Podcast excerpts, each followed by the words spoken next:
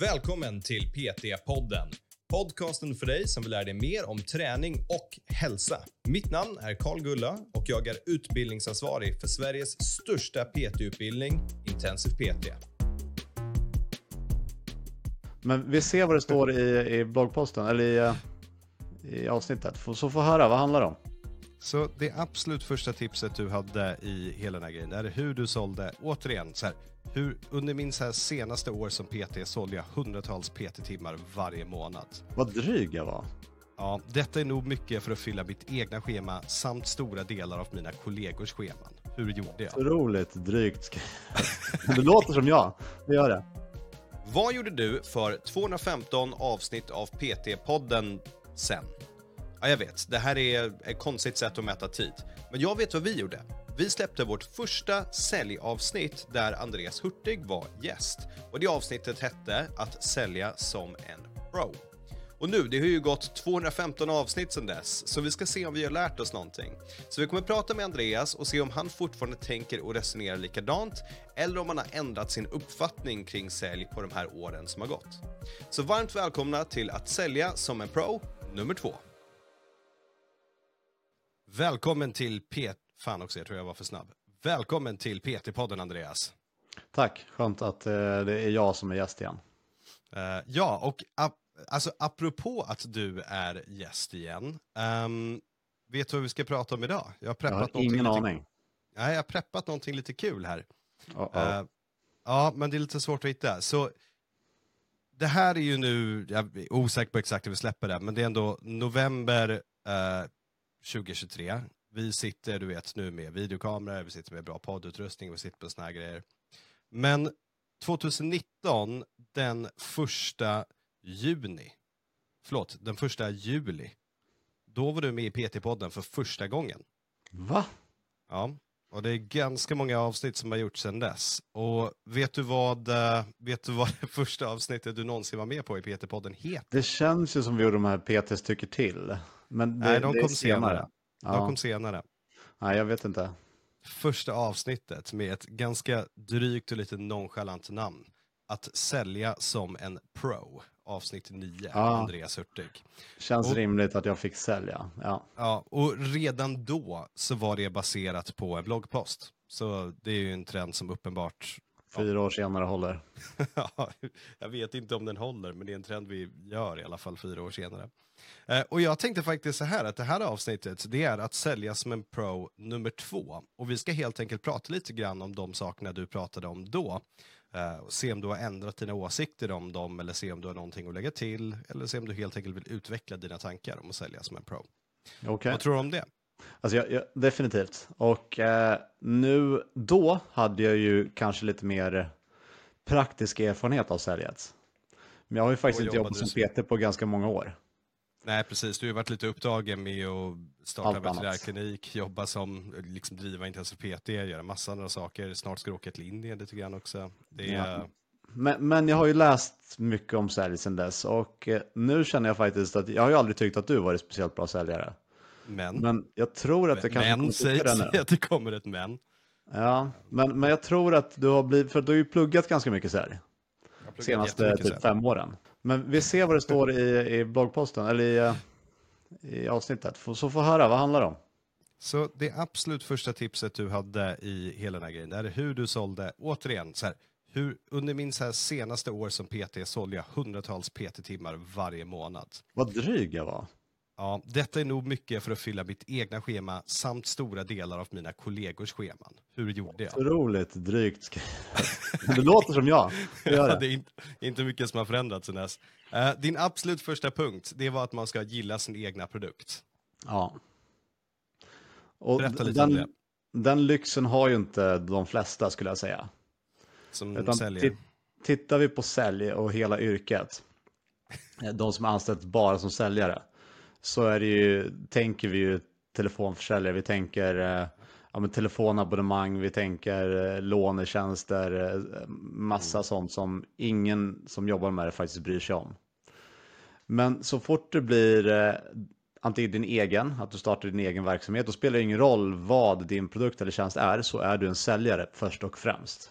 och ja. Eh, sen kanske en produktutvecklare eller någonting annat i andra hand. Men då blir du en säljare. Och sen så är det ju alla som, som hoppar till träning. De säljer ju en produkt de gillar, för det är ju ingen som, som hoppar över till att ja, starta ett gym för att nu, jag vill bli så rik som möjligt. Då finns det andra saker du kan göra. Utan jobbar du med träning, då är det för att du vill människor väl. Ja. Och då tycker de om din produkt. Så det, då är det ju lätt att sälja, för det, skulle, det kommer aldrig kännas som att du säljer. Det kommer kännas som att du erbjuder någonting fantastiskt. Du räddar personers liv. Det är eh, så lätt produkt att sälja. Och det här är ett budskap som vi lyfter upp alltså, otroligt många gånger, både under vår utbildning, vi har gjort det i podden, vi har gjort det massa gånger. Um, du, du, du, skriver här, du fortsätter med ditt trevliga sätt att skriva. Ni har världens lättaste sälj. Ni säljer något som alla behöver. Föreställ ja. er om ni knackar dörr och sålde dammsugare. Vilket är väl ja. taskigt med folk som knackar dörr och säljer dammsugare. Ja, men, jag men, tror inte det är så många som gör det längre. Nej, jag, just dammsugare tror jag inte. Men, men grejen är så här, pro problemet jag har med den här specifika punkten, det är att du säger den, jag håller med om den, det skrivs mycket om den just nu och vi pratar om den här jättemycket. Men det absolut största problemet jag har med personliga tränare som säljer, som har problem och kommer upp över hjälp, det är att de ofta inte känner det här. Antingen att de inte gillar sin produkt eller att de inte tror på sin produkt så att de inte kan övertala andra människor att den är bra. Jag tror kanske de gillar den, men de vet inte hur bra den är. Men det finns någonting här som inte lirar för folk som är nya. Och när jag kollar på liksom företagen jag hjälper med sälj, det här är någonting som är kvar än idag. Vi, vi har liksom inte lyckats övertala alla att gilla sin produkt, kanske. Nej, jag, jag tror eh, att det är en, en liten variant av det, för att jag tror de flesta tränar ju själva och mm. förstår hur bra träning är. Så de är ju liksom konsumenter av sin egen produkt. Men det som de flesta inte kanske har så mycket erfarenhet av, det är att betala mellan 500 000 kronor i timmen för en tjänst hos någon annan. Och det kan kännas dyrt. Det kan kännas som, oj, jag frågar någon om 20 000 kronor nu. Det är mycket pengar. Ja. Och då har man ju inte förstått vad det faktiskt är man får. För det är ju inte en timme av din tid de köper, utan de köper bättre hälsa, de köper sova bättre på natten, de köper alla de sakerna istället och då är det billigt. Och det här är det som är grejen. Det är, det är också om du kan mycket om träning. Bara den här konversationen hade jag med liksom en smart person nyligen. Som var så här, men jag tycker det är dyrt med personlig träning. Och jag sa, ja men föreställ dig hur mycket du kan, han jobbar med något annat. Så tänkte jag, men okej, skulle du någonsin betala någon för det här som du kan? Och det var, nej, och det, och det är ju det som är grejen. Kan du mycket om träning, då kommer du tycka att det kanske är dyrt för att du kan redan så mycket. Men om man jämför det med en 50 eller 60-årig person som inte kan någonting om träning men vill orka leka med sina barn, då är det helt ovärderligt helt plötsligt. Ja, alltså jag kan ju argumentera för motsatsen också. Om du inte kan någonting om träning, då är det extra viktigt för dig att du ja. tränar. Då är det, ju, ju, mindre du kan, desto billigare blir det, även om det är samma pris. Exakt så är det. Och, och det där är ju poängen. Så att gilla sin produkt, det känns verkligen superviktigt. Det, jag har ju sålt eh, bolån över telefon. Där kan vi snacka om att inte gilla sin produkt. Det var ja. hemskt. Um, så det här med träning och hälsa, det, det, är faktiskt en helt fantastisk sak att sälja. Uh, vill du veta vad nummer två på din lista är då? Yes. Det är erbjud en gratis konsultation. Sen skriver du underåt, inget ja. unikt med detta. Nej, jag tänkte säga, det är väldigt basic det här blogginlägget. Ja, det men det var ändå, och det här avsnittet, förolämpar du vårt avsnitt och sälja som en pro nummer två? Nej, men och sen var det ju så här också på den tiden kanske att alla hade inte riktigt det systemet. Nej. Alla har det inte nu heller. Nej, men, men det kändes som att det på något sätt blev standardiserat. Det kanske är lite längre tid sedan ändå. Mm. Eh, och det var ju också i samband med det här som det, som den här explosionen i att starta eget ja. eh, kom samtidigt. Och då kanske man tänkte att det räckte att man la upp lite poster på Instagram eller att man delade ut visitkort. Eh, men du måste ju ha en, en call to action som är en låg tröskel. Mm. Så du måste få in dem genom dörren på ett så enkelt sätt som möjligt och det är ju oftast att erbjuda någonting gratis. Så det känns ändå som att någonting som är värt att nämna, men jag tror att alla som lyssnar på det här avsnittet känner till det här och förmodligen jobbar så. Men alltså, precis, för de som lyssnar på PT-podden, de har ändå bra koll på PT-business, för att det är någonting vi pratar om väldigt, väldigt, väldigt ofta. Uh, men det är just också det man kan reflektera kring, tror jag, det är värdet av konstellationen. För att själva produkten konstellation har inte förändrats på all den här tiden.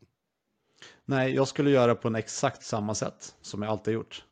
Och eh, jag tror aldrig jag ändrade mitt sätt att ha koncentrationer på. Mm. Eh, och jag, jag, ser ingen anledning till det heller. För att eh, det spelar ingen roll om du har en, en helt nybörjare som hade satt sin fot på gymmet som är 60 år gammal. Eller om du har en elitsatsande person i 20-årsåldern. Så är det fortfarande, du lägger någon typ av grund för eh, någon fysisk grund eh, tillsammans med hälsoprofilen och sen någon typ av utgångsmätning. Mm. Och sen pratar du runt omkring det. Sen är ju fördelningen, hur mycket tid du lägger på respektive del ändras ju en hel del. Men det, det som koncentrationen innehåller har sett exakt likadant ut för mig i alla år. Och, och det, det, är ju rimligt, för att det man komma ihåg är att det är ett underlag för en konversation. Det är det som är hela poängen. Så fort du får prata med människor och prata om deras mål, då är du hemma. Ja. Um, men konstellationen tycker jag inte heller är så konstigt. Uh, du, du, skriver också här 2A, alltså det här är hur du gjorde konstellationen. Att du uträttade en hälsoprofil med dem, du gjorde en impedansvåg och sen gjorde du rörlighetstester. Uh, yes. Är det fortfarande så du hade gjort det idag? Ja, eh, eller de delarna i alla fall. Så impedansmätning tycker jag är super. Så man kan tycka vad man vill om impedansvågar, men de är bra verktyg för att du går från någonting som är ganska abstrakt. Mm. Så du går från en subjektiv bedömning från en annan person till konkreta siffror. Så här mycket väger så här min fettprocent. Igen, sen är det inte 100% korrekt, men du får någonting att utgå från. Mm. För vågen försöker ju inte sälja, den försöker inte försköna eller förvärra situationen, utan den bara säger så här ligger det till just nu. Eh, de flesta har inte så mycket erfarenhet av impedansvågar heller, så de tycker det är ganska coolt att se, men okej, okay, min vätskebalans är så här, min fettprocent är så här, de, de vet inte det. Så den är given, hälsoprofilen är given, det är ju, det är ju den kommunikation, det är ju där du samlar in muntlig information om hur du kan hjälpa klienten på bäst sätt. Och sen den, den eh, fysiska eh, testdelen. Så det kan vara någon typ av rörlighetstest, vilket funkar för alla. Alla kan utföra ett rörlighetstest. Eh, vissa kanske är mindre lämpligt för, de kanske istället gör något eh, fystest. Men att de gör någon, någon, typ av test. Och det där är ju grejen. Så grejen är helt ärligt, du hade inte så jättemycket mer i din bloggpost på den här tiden. Du, du pratar ju om de här grejerna och konstellationen kom ju fram till att den är lite grann som den är. Uh, avsluten så går du in på och pratar om att där gör du alltid ett ta för givet avslut. I stort sett att du bara utgår från att kunden kommer köpa den här saken. Uh, och sen när det är invändningar så i stort sett bara säger du emot kunden. Nu, där kanske vi har utvecklat dem lite mer i utbildningen, att man får göra invändningar så som man känner sig bekväm med kanske lite mer. Men ja. jag tycker ändå här att det här är ju ganska standard, allt som vi sitter och pratar om i det. Ja, och, och ska vi ta någon typ av takeaway på de sista bitarna också? Om vi pratar om det med avslut så finns det ju massa och vi pratar ju om alla typer av avslut i, i cellutbildningen. Eh, men jag hade ju antingen alternativavslut eh, eller ta för givet avslut. Och 99% av tiden kände jag att då sa jag något till Simon att okej, okay, det här är det som är bäst för dig. Jag har jobbat nog länge med det här för att veta vad du behöver. Så det här är vad vi kör på. Och då skrev de alltid på. Sen var det några som jag kände att nej, den här personen kommer svara bättre på ett alternativavslut och då får de något i stil med att eh, bäst är att börja med eh, tre gånger i veckan med PT, men är du minst lilla osäker på att din tid kommer räcka till så kan vi börja med två gånger i veckan och så tar vi det därifrån. Så köpte de på det också.